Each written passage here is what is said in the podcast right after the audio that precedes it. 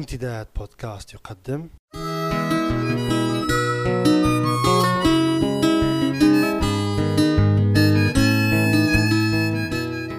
رسالة من لندن. مع جمعة بوكليب ضيف هذه الحلقة الأديب الدكتور علي فهمي خشيم. لندن صيف 1965 كانت تلك أول زيارة لي للمدينة التي كانت تدعى عاصمة الثلج والضباب. لم يكن هناك ثلج ولا ضباب فالفصل صيف. هادئة منظمة نظيفة. كان عدد الليبيين لا يزيد عن عشرة. بعض أعضاء السفارة وبضعة طلبة في دراسة عليا في لندن. بجنيه واحد في الليلة اقتريت غرفة في ساوث كنزيكتون الراقي يومها مع الفطور. لم أرى عربيا واحدا إذ لم يكن النفط تفجر في الخليج بعد. زيارتي الثانية صيف 1968 للدراسة الإنجليزية. لا تزال لندن كما هي المسرح المزدهر الكتب الصحف الجذابة الموسيقى. كانت أيام البيتلز والهيبي أبناء الزهور والحب. في مدينة إسبور سكنت مع أسرة لغرفتي الخاصة مرتبة كل يوم مع غسل الثياب وثلاث وجبات يوميا بجنيه واحد. في السنة الثانية شرعت في دراسة العليا بمدينة درهم شقة بثلاجة وموقد غازي. الغاز مجانا والكهرباء مجانا ومستودع للسيارة. كل هذا بخمسة عشر جنيها في الشهر. في سنة 1981 جئت بأسرتي في سنة تفرغ علمية. سكنت في حي تشيلسي الراقي. شقة رحيبة لثمانية أشخاص مؤسسة تأسيسا كاملا. حتى أدوات المطبخ تطل على سلون سكوير بأربعمية جنيه في الشهر. نحن الآن في آخر أيام سنة 2010 لم تتغير لندن كثيرا. لم تتغير معالمها.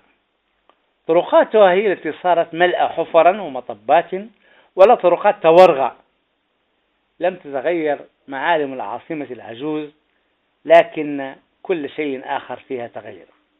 تبدل. انقلبت رأسها على عقب. صاروا يدعونها عاصمة العالم الثالث. صدقوا والله.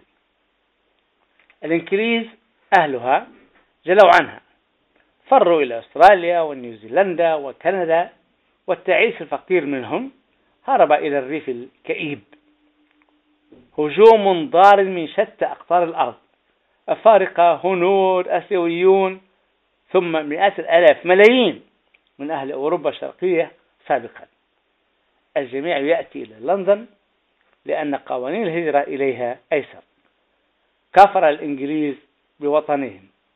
لم يعودوا ينشدون سودي بريطانيا فوق الأمواج. الفقر يزداد الغلاء يطحنها. مستوى المعيشة في انحدار مدارس متهالكة مستشفيات تعبانة الحالة كرب. عندما هبطت مطار هيثرو أول مرة قادما من روما شدني ذلك الأدب الجم الذي قوبلت به حين قدمت جواز سفري. كانت الابتسامة المرحبة ويلكم سير لم يستغرق وقوفي أمام الشرطي المهذب المهندم أكثر من دقيقتين أو ثلاث. عبرت البوابة الخضراء. لا شيء يصرح به. Nothing to declare. بعد التقطت حقيبتي لأسلمها إلى الحمال اللطيف. أين ذاك من هذا العبوس القمطرير؟ والتكشيرة الغاضبة. والعينين اللتين تبرقان اتهاما لي بأنني إرهابي متخف تحت هالة الشعر الأبيض. عشرون سؤالا وسؤال لماذا جئت؟ كم معك من المال؟ كم ستقيم وأين؟ ومن تعرف بريطانيا؟ هل سبق لك الاشتراك في عملية إرهابية؟ وبعد تبصيم أصابع اليدين والقدمين يخبط الشرطي جواز السفر وكأنه يقول لا أهلا ولا سهلا. خش درج وجهك عليك اللعنة. انتهى الأدب الإنجليزي المعهود. اختفت الابتسامة من على الشفاه.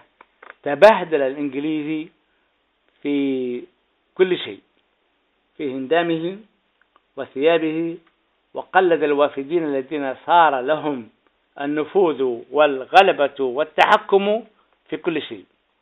بدءا من المستشفيات حتى الفنادق وعربات الأجرة والحافلات والمتاجر صغيرها وكبيرها والمصارف وفي كل مكان.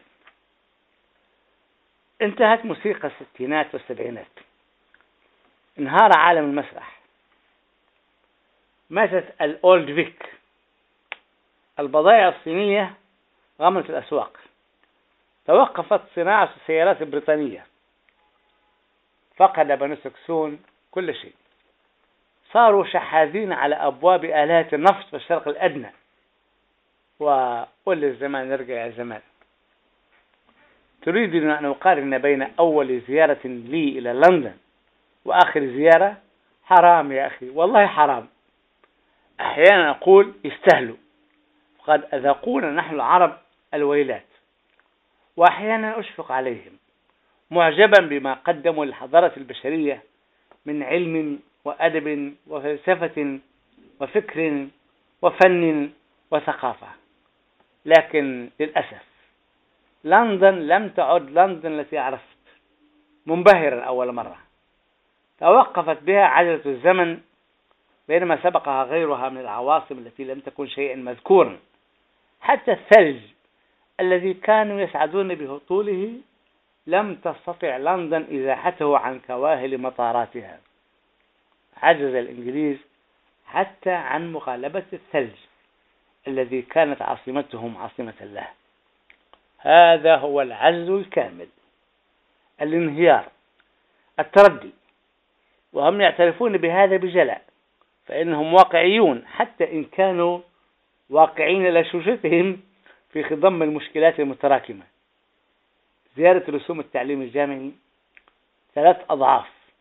الطلبة يحتاجون أغنياء قادرون والغلابة عاجزون عن دفع. هذا هو حزب المحافظين. الرأسمالي جاء لينتقم من العمال الذين بطروا ونسوا مبادئ الاشتراكية والفبية إلى آخره. لندن أواخر 2010 لم تعد تستحق الزيارة. لم يعد فيها ما يثير. لم يعد فيها ما يدهش ويعجب. لندن فينيتو. ولتعش كوالا لومبر وأخواتها الناهضات. أم تراني الذي تغير بعد مرور 45 عاما؟ علي فهم شيء